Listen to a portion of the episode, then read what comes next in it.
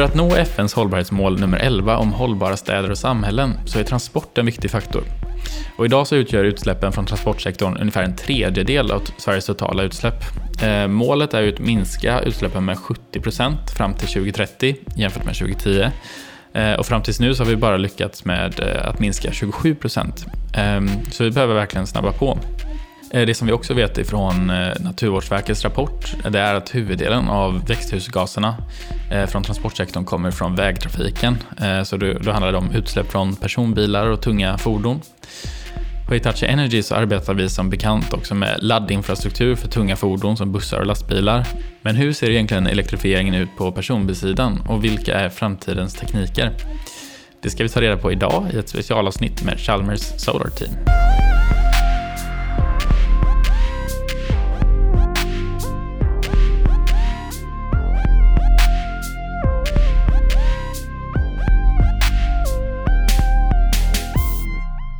Anton Styrefors Sparby studerar teknisk fysik på Chalmers och har varit en aktiv medlem i Chalmers Solar Team sedan 2020. I teamet arbetar han med den övergripande elektriska designen och vid sidan av sina studier arbetar han på ett företag som producerar uppblåsbar elektrisk jetbräda. När han inte jobbar eller pluggar så gillar han att cykla både landsvägscykel och mountainbike. Välkommen hit Anton! Hej! Vad kul att du är här! Ja, det är jättekul att få vara med. Och eh, det känns, eh, väl, det känns som att vi kommer lära oss väldigt mycket av dig idag och höra lite mer om eh, vad ni gör på Chalmers Solar Team. Så jag tänker, kan inte du börja berätta lite om vad gör ni egentligen? Ja, absolut. Så Chalmers Solar Team grundades i 2018. Vi har som mål att främja hållbar ingenjörskap bland studenter och hållbar designande och utforska möjligheterna av solceller i transportsektorn, specifikt personbilar. För som ni sa i introduktionen måste vi minimera vårt utsläpp för att bli ett fossilfritt samhälle. Så som sagt, det här är ett studentprojekt. Eh, det grundades 2018 där vi byggde en bil för tävling i 2019 den bilen tävlade i Bridgestone World Solar Challenge som är en tävling vilket sker varannat år och är 3000 kilometer genom den australiensiska outback. Tyvärr förra året när vi byggde en ny bil så var det ju pandemi. Kunde vi inte mm. tävla i Australien. Så då tävlade vi istället i först i Belgien en 24 timmar Ilumen Solar Challenge och i Solar Challenge Morocco som är en 2500 kilometer tävling över fem dagar där man börjar på kusten upp genom Atlasbergen in i Saharaöknen och sen ner tillbaka till kusten med en total höjdskillnad på 14 000 meter. Wow. Mm -hmm. Men hur, om jag förstår allting korrekt då, så är det alltså en bil som drivs av solenergi? Ja, precis. Det är en enpersonsbil som är specialanpassad för att ha solceller på toppsidan och ett litet batteri för att hantera överskottsenergi vid de mest soliga delarna av dagarna. Mm. Mm. Och hur, hur, ser den ut, bilen, ungefär? Den är lite över en meter bred, fem meter lång, väldigt smal, lite som en vattendroppeformat för att vara så aerodynamiskt effektiv som möjligt. Just det. Det var väldigt bra beskrivning ja. av hur, hur formen ser ut. Men hur, så vi förstår ju att det här var ju väldigt långa distanser som ni kör med den här eh, enpersonsbilen i flera olika typer av tävlingar. Men är det här ett, ett ehm, Ser ni att det finns en möjlighet att det här kan bli kommersiellt eller liksom är det här mest bara för att testa teknologin och pusha för att hitta nya transportsätt framåt?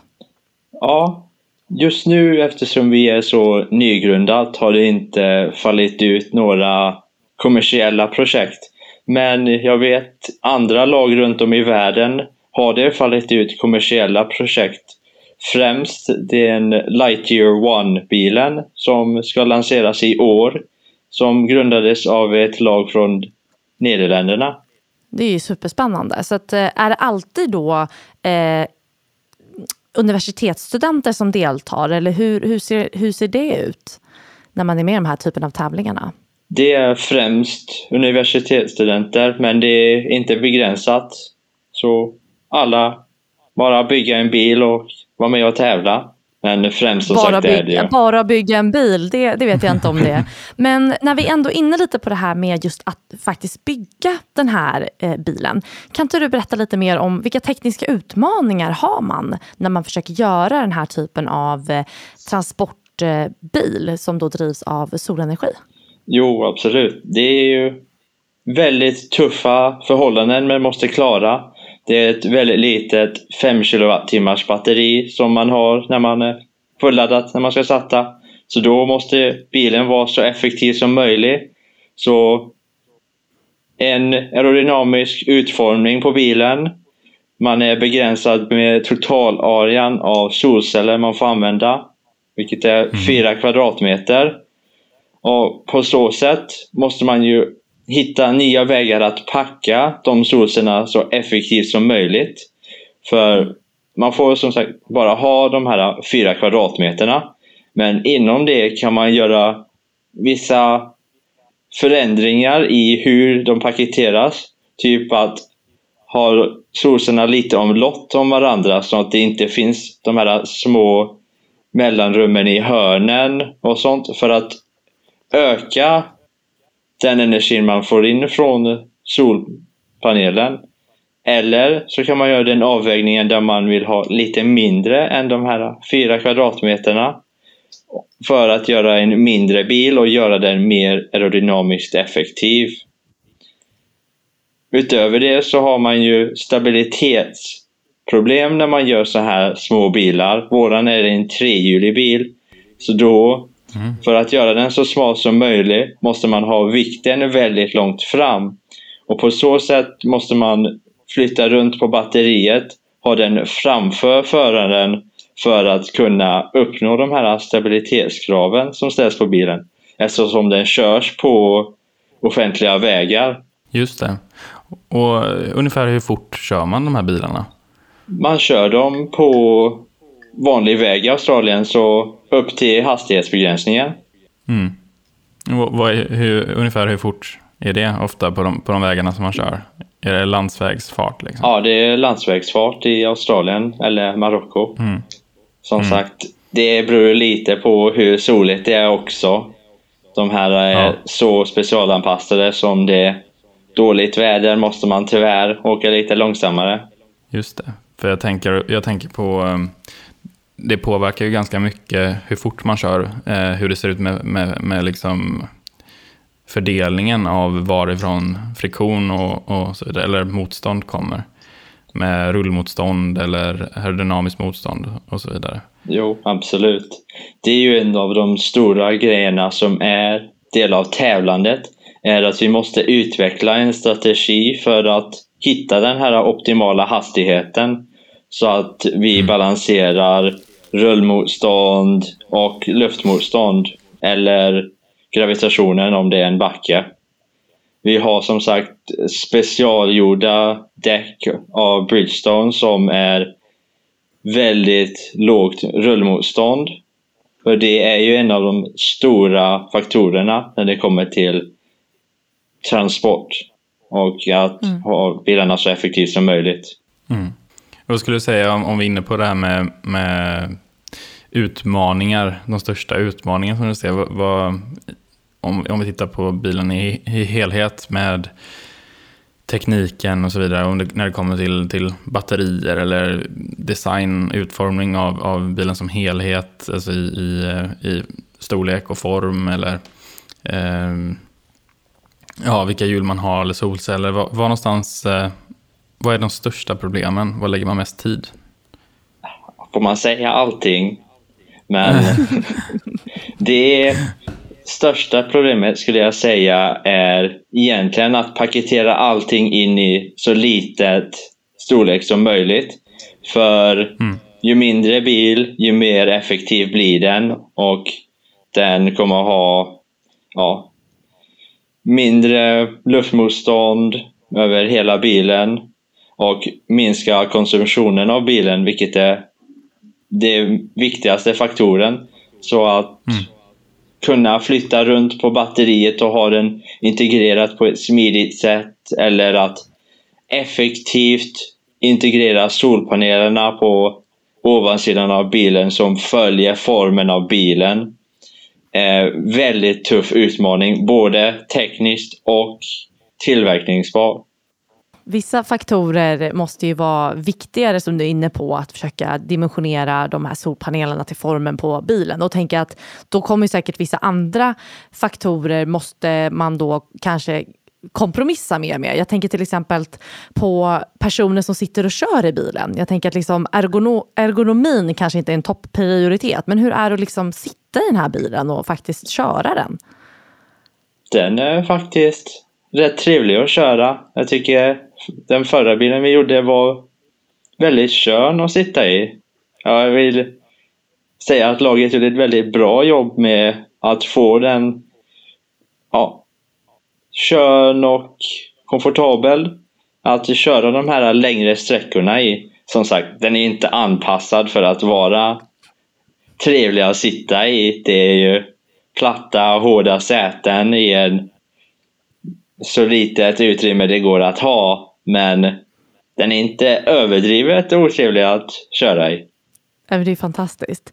Och jag tänker när ni är i de här olika teamen och ni tävlar på de här olika platserna runt om i världen. Jag tänker att ni lär ju ha tagit ganska mycket lärdom av de andra teamen för att utveckla er produkt. Jo, det är ju absolut ett jättestort kunskapsutbyte när man är på de här tävlingarna. Man lär sig otroligt mycket av bara andra deltagare. För alla är ju jätteintresserade av den här tekniken, av bygga solcellsdrivna elbilar.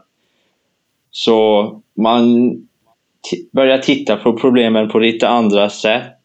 Kan ta inspiration av en viss form en annan bil har eller hur de har placerat ut komponenter eller vilka metoder de använder för att tillverka en av grejerna som vi såg i den här tävlingen var vi, vi var första laget att lansera en yttre skal som är gjort av linfiber. Vilket är mer hållbart än det vanliga använda materialet som är kolfiber. Men det lyfter ju vissa andra problem, speciellt tillverkningsmässigt. För där behöver man ofta mer epoxy än vid kolfiber, vilket lägger till vikt vilket ökar konsumtionen lite. Men man måste göra den där avvägningen lite när man ska främja hållbarheten på det sättet vi gör. Och utforska de här nya materialalternativen. Mm. Men det, det låter jättespännande just att ni faktiskt kan lära av varandra. Men kan ni också hitta lärdomar i den existerande industrin, då tänker jag på, vi kanske inte ser elbilar på våra, eller jag menar solbil, soldrivna elbilar på gatorna och liksom stor produktion idag, men kan ni hitta lärdomar där? Jo, från absolut. Industrin då? Det finns ju mycket man kan ta från befintlig industri, speciellt när det kommer till tillverkningen. För det är ju en sak att designa bilen som är väldigt effektiv. Det är en helt annan sak att bygga den. Så mm. där, mm. vi har ju vissa industripartners och som vi kan helt enkelt vända oss till om vi vill ha vissa råd i tillverkningsbarheten. Säg vi ska forma vindrutan så vänder vi oss till komposittillverkare och eh, de som jobbar med plast eller bilindustrin har ju sätt att dra kablar på effektiva och smidiga sätt. Så där kan vi vända oss till en annan av våra partner för att väldigt smidigt och på ett robust tillverkningsbart sätt bygga den här bilen. Ja, jag, jag, jag kommer tillbaka lite till ehm, Det är väldigt intressant faktiskt att, att, eh, att ni har så mycket fokus på, eller har hamnat i det här med eh, när man går från en teoretiskt optimal design till, att, till faktiskt tillverkningsbarhet, vilket eh, Elon Musk faktiskt pratar väldigt mycket om också, till exempel på, på SpaceX och, och Tesla. Eh, om att det är tusen gånger svårare att, eh, att optimera tillverkningen än att göra en bra eh, rymdraket då, till exempel. Eh, det är intressant att det, det återkommer i det här, eh, även om ni bara bygger, för ni bygger bara en bil, eller hur? Ja, vi bygger bara en bil. Men jag tänker lite på, på det här. Ni har, ni har begränsningen 4 kvadratmeter solpaneler och ni ska, ni ska köra eh, vad heter det, i landsvägsfart och så har ni bara en buffert på 5 kilowattimmar i batteriet. Ehm, då, vad hamnar vi effektmässigt? Då, då kanske vi hamnar på hur många kilo? Det är fyra, teoretisk instrålning, fyra kilowatt kanske. Och sen så har du verkningsgrad på? Nej, det är närmare en kilowatt teoretisk instrålning. Det är runt 25-26 procent på per kvadratmeter på effektiva kisel solceller. Ja, exakt. Så, så, teoretisk instrålning är väl en kilowatt per kvadratmeter, va? Ja. Ja, exakt. Och sen så, sen så vad hade ni 25 procent på effektiva solpaneler i verkningsgrad? Ja. Ja, så det är inte några stora effekter som ni har att jobba med? Nej, vi måste hållas energineutral under en kilowatt. Och det måste vara extremt eh, extremt utmanande. Eh, och hur, alltså, hur, hur jobbar ni med det? Hur löser ni den här eh, utmaningen? Jag kan tänka mig att ni sitter ganska mycket och, och simulerar eh, i, eh, vad heter det, i CAD. Ja. För formen, utformningen av bilen och så vidare. Jo, det är ju det hela första fasen av designprocessen går ut på. Är att köra aerodynamiska simuleringar i Chalmers datorer för att kunna hitta den bästa formen för de yttre kraven som ställs på bilen som solceller eller stabilitet. Det läggs massa tid med att hitta de små vinsterna här och där med säg formning av slutet av bilen, göra den lite extra spetsig eller krympa ner vindrutan lite till. Eller bara integrera lamporna på ett smidigt sätt. Sådana saker för att ja, hålla oss energineutrala i landsvägshastighet under en kilowatt.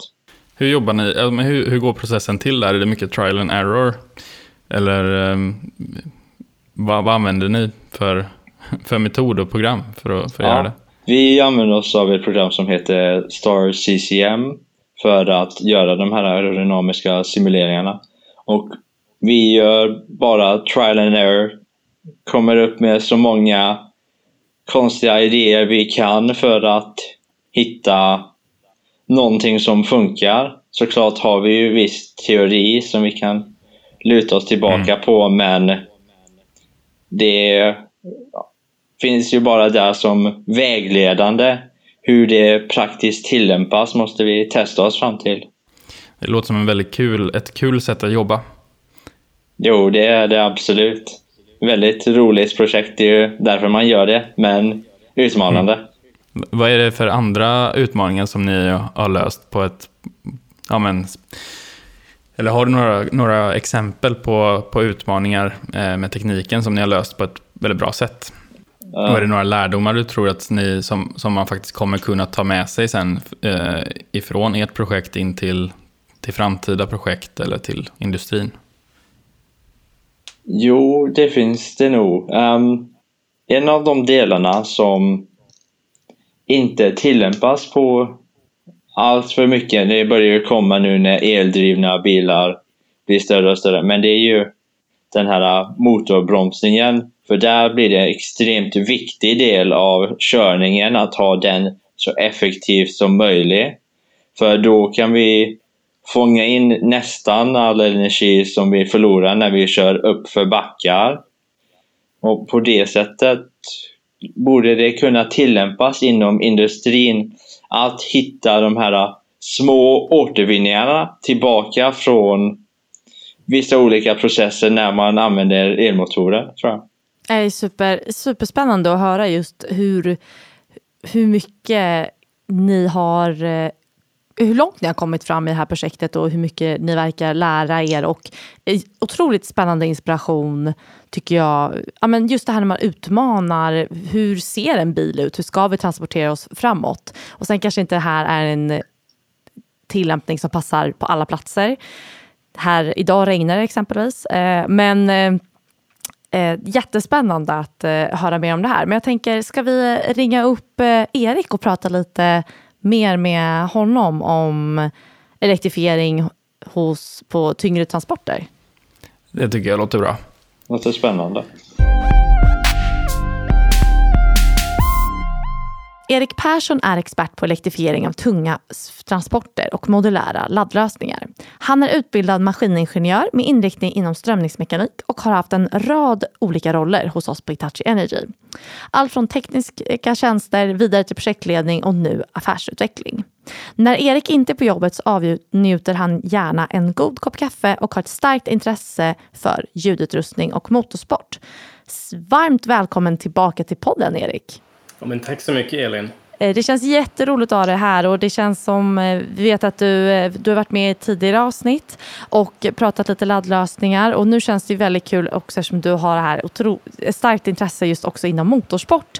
för vi pratar ju här med Anton om soldrivna elbilar idag. Superhäftigt. Och du har ju sagt eh, att det här är ett helt nytt sätt att tänka när man kör med elektroner i tanken. Kan inte du berätta lite mer? Vad, vad tänker du kring det här?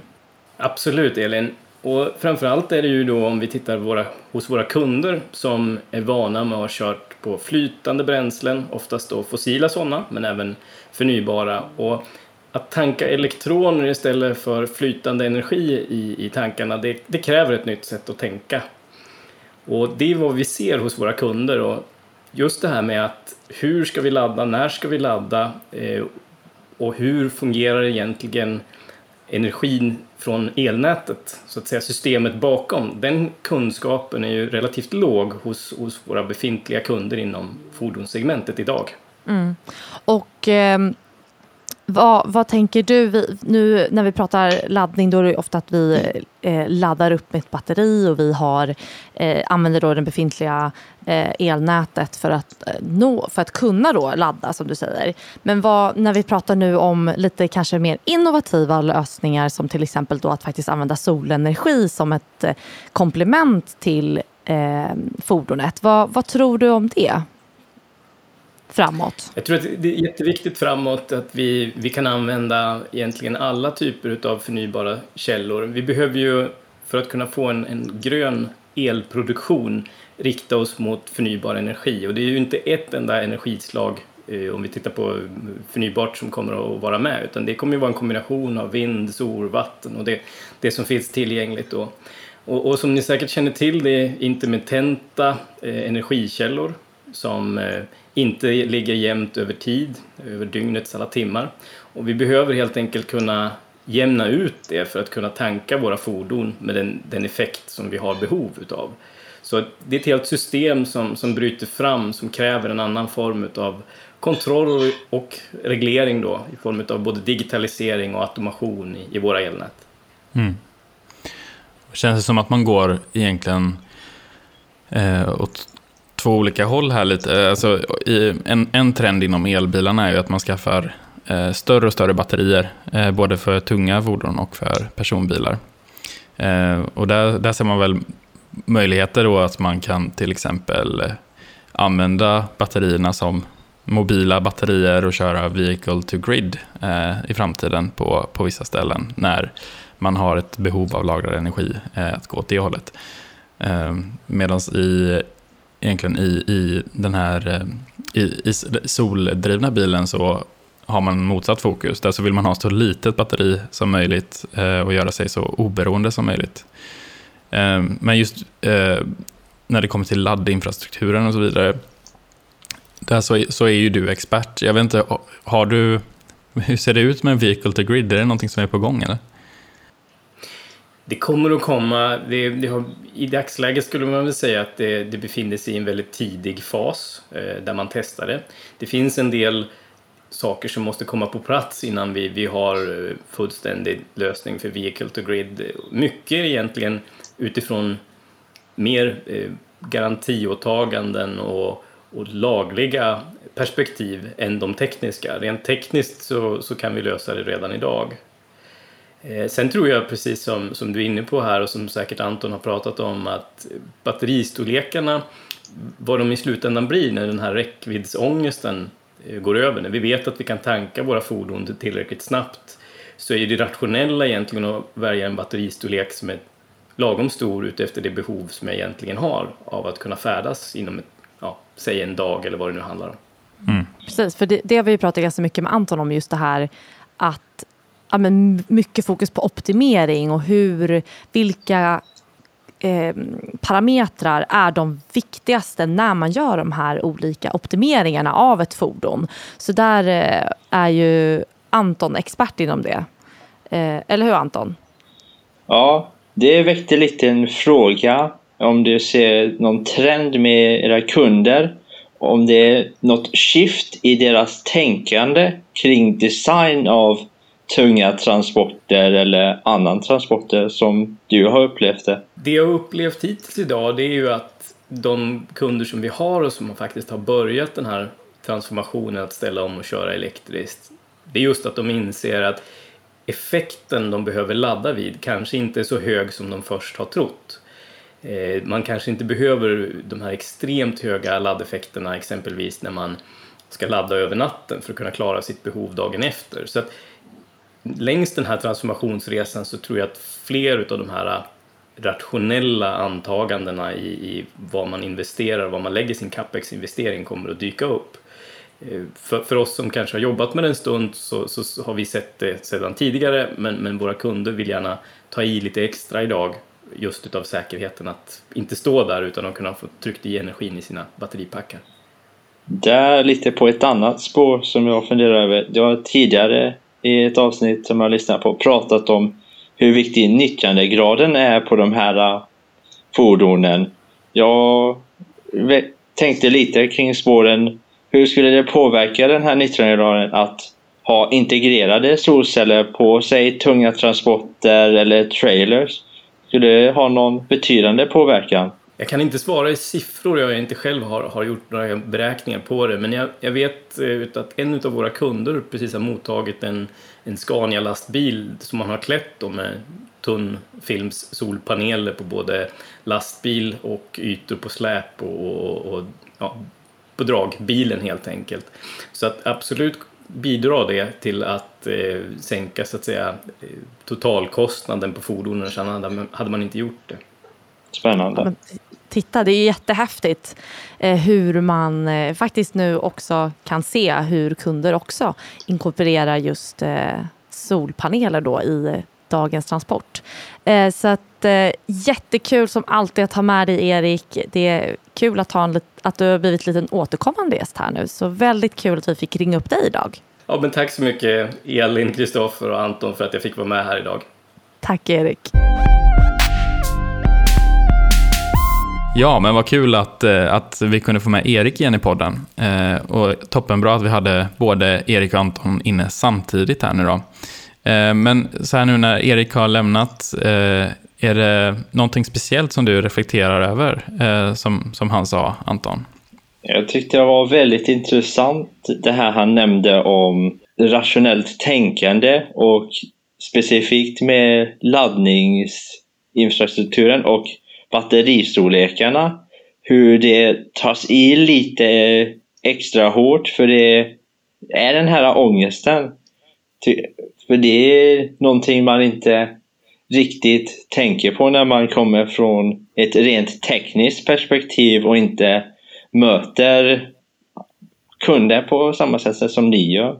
Mm. Nej, jag tror att där, apropå att ni försöker optimera för konceptet och göra det så smidigt som möjligt tror jag att många kunder kanske tittar på att ah, men när vi har den här längsta körningen då måste vi kunna klara av det, då måste vi ta höjd för det. Eh, och kanske snarare då som Erik vinner på, då tar man i lite extra i, eh, i kring eh, hur man sätter sina specifikationer.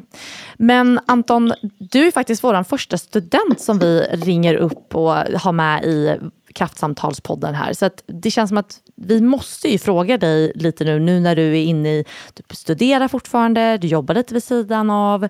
Men som du vet, det, det, vi är ju inne i en enorm eh, eh transformation av hela energisystemet och här är en väldigt het bransch.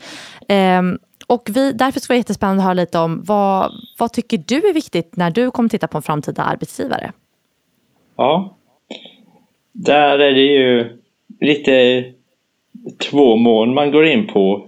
Först de här äh, väldigt standardsakerna som äh, vart man än kommer. Du vet att man har flexibla timmar, har lite möjligheter att vidareutbilda sig under tiden man arbetar.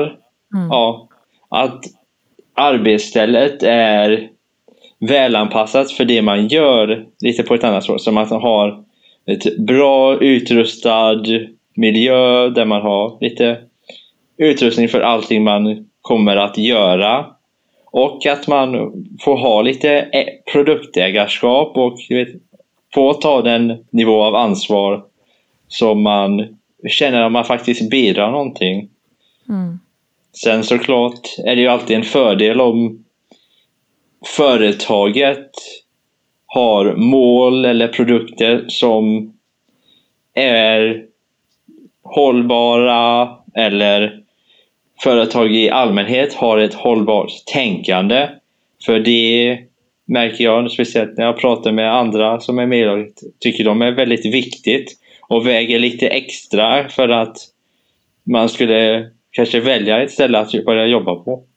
Mm. Och med, med, din erfarenhet också kan jag tänka mig nu när du är helt inne i, i det här Chalmers Solar Team så kan jag förstå att det också är en viktig aspekt såklart även för dig i att kunna se att man har liknande ja, men driv och mm, helt enkelt eh, värderingar som ens framtida arbetsgivare.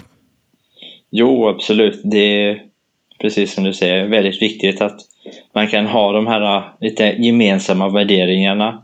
För det ger... Alltså man känner sig bra av att jobba på ett ställe och man måste känna sig trygg och tycka att man gör en nytta i världen. Det gör det så mycket lättare att gå in till jobbet varje dag. Snyggt. Ja, men det, är, det är viktigt även äh, för, äh, för oss såklart att, att hela tiden förstå vad, vad dagens universitetsstudenter vill ha när de, när de letar efter arbetsgivare. Ehm, vi har ju en avslutande fråga som vi brukar ställa också till, eh, till alla våra gäster. Ehm, och eh, den lyder som följer. Eh, vilken är den viktigaste faktorn för att vi ska kunna ställa om till ett fossilfritt energisystem, tycker du Anton? Där måste jag nog säga att från min erfarenhet lite från Solarsim men allmänhet är bara minska konsumtionen. Så det kan vara, om vi ser det i perspektivet av solbilen, vi kan göra det sättas, kan inte sätta mer solpaneler eller ha större batteri. Så då är enda grejen vi kan göra minska konsumtionen. Men sen är det ju över in i vardagliga livet också, att man minskar elnyttjandet i hemmet eller minskar nyttjandet av vatten eller allmänna produkter. Så allmänhet bara minskar konsumtionen. Kort, koncist och väldigt tydligt om jag får säga det själv. Verkligen. Och vi har varit inne på det med några andra essay just att det krävs ju också förändring från varje individ för att vi ska kunna göra den här omställningen som krävs. Ja, absolut. Det, alla måste ju bidra sitt lilla och sen företagen också. Så alla i alla mål måste se till att vi kan nå de här äh, klimatmålen som vi har. Mm.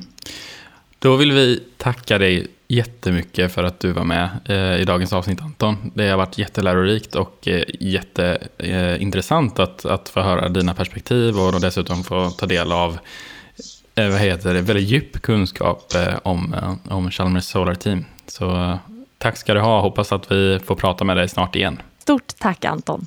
Yes, det var jättetrevligt att vara med och kunna prata med er som är inne i industrin och arbetslivet om hur framtiden ser ut. Kristoffer, vad tror du om att åka i en soldriven elbil i Sahara? Eh, absolut kul eh, grej som jag absolut har velat testa.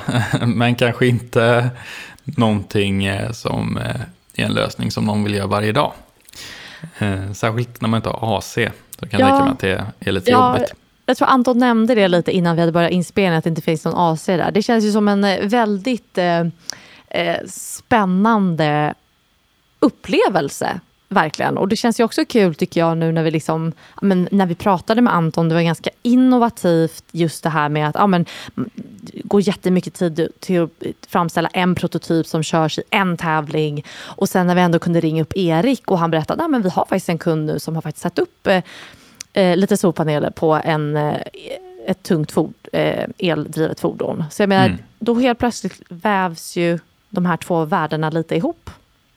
Precis, ja. Och, och varför inte sätta solpaneler på?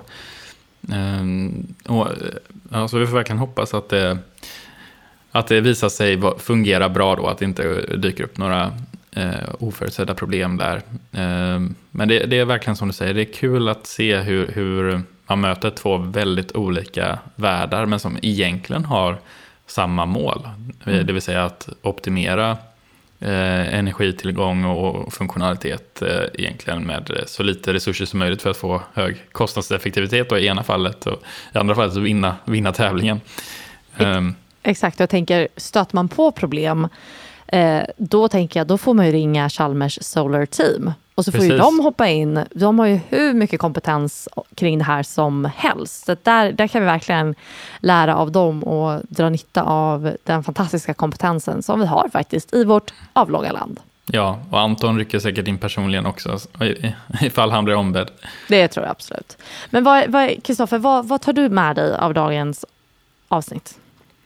Eh, ja, nej, men jag tyckte att för det första att det var väldigt intressant. Man eh, fick vara lite nyfiken och snacka teknik. Ehm, sen så är jag en bilkille också så att eh, det, det är extra roligt. Ehm, men, eh, men jag, jag tyckte, tycker ju jag tar med mig lite det här med, med, med också hur de arbetar. Eh, det är någonting som liksom stannar, stannar med mig, som jag tänker på. Hur man ska hitta optimala design och tänka nytt. Eh, att det faktiskt är så att man, man ser teorin, även om man kanske kommer från teknisk fysik eller, eller vad det nu är, där det är väldigt teoritungt. Att man ser teorin som en guideline och sen så gäller det att vara väldigt kreativ och komma på väldigt många olika lösningar att utvärdera. Eh, hela den processen, det är någonting som jag är intresserad av och ta med mig att det är faktiskt så som de jobbar även i detta fall. Ehm, och vi får väl se ifall det också appliceras i, eh, när vi tittar på de tunga fordonen, att man, man börjar titta lite på lite mer extrema och får man säga urballade lösningar kanske. ja, verkligen. Och, och från, från ditt håll, Elin, vad, vad är Nej, det mest? Ja, jag tycker att eh, det var jätteroligt att ha med en student också. Bara mm. För att lägga till det. Det är inte jättelänge sedan du och jag studerade och jag menar du är ju själv från Chalmers. Eh, mm. Så det var jätteroligt tycker jag att vi fick till det här avsnittet. Men det jag tar med mig det är just det här att någonstans där studielivet möter industri. Att nu tittar man på en, det är en produkt, det är en, det, är liksom, det är ett mål, det, det ska optimeras, man har sina begränsningar. Det var fyra kvadratmeter solpaneler och det var liksom, man satte de här olika specifikationerna för att liksom optimera en produkt. Men samtidigt så känns det som att det är i ett större det, det, är en större bild vi har av egentligen hela det här. Att han ändå fångar upp det här att ja, vi, vi gör det här men vi hoppas ju att vi kan med den här kunskapen och det här driva andra frågor som är större än just den här tävlingen.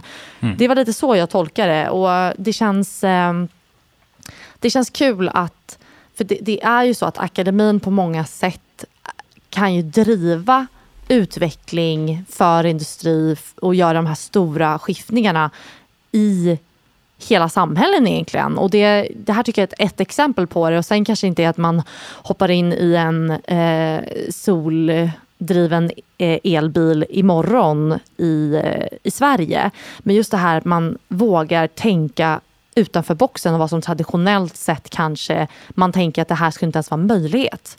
Mm våga tänka lite nya banor. Det tycker jag känns eh, väldigt precis, spännande. Om inte annat så kan, kan väl sådana här lösningar användas för, för, för enklare, mindre lösningar. Eh det är ett intressant tänk helt, helt enkelt. Jag, jag håller med dig Elin. Du har helt rätt. Jag kom på också att eh, nu när jag tänker tillbaka, jag menar eh, produktions, eh, vikten av produktionsteknik och, och hur man ska producera en lösning. Det är också någonting jätte, jätteviktigt mm. att ta med sig. För det från mitt perspektiv så har det ofta varit väldigt kul att tänka på, på koncepten snarare. Liksom, hur är lösningen eh, när den är klar? Och sen så, så kanske man inte har tänkt så, lika mycket på, på produktionen. Så det, mm. det var bra att han lyfte det, att det är så återkommande.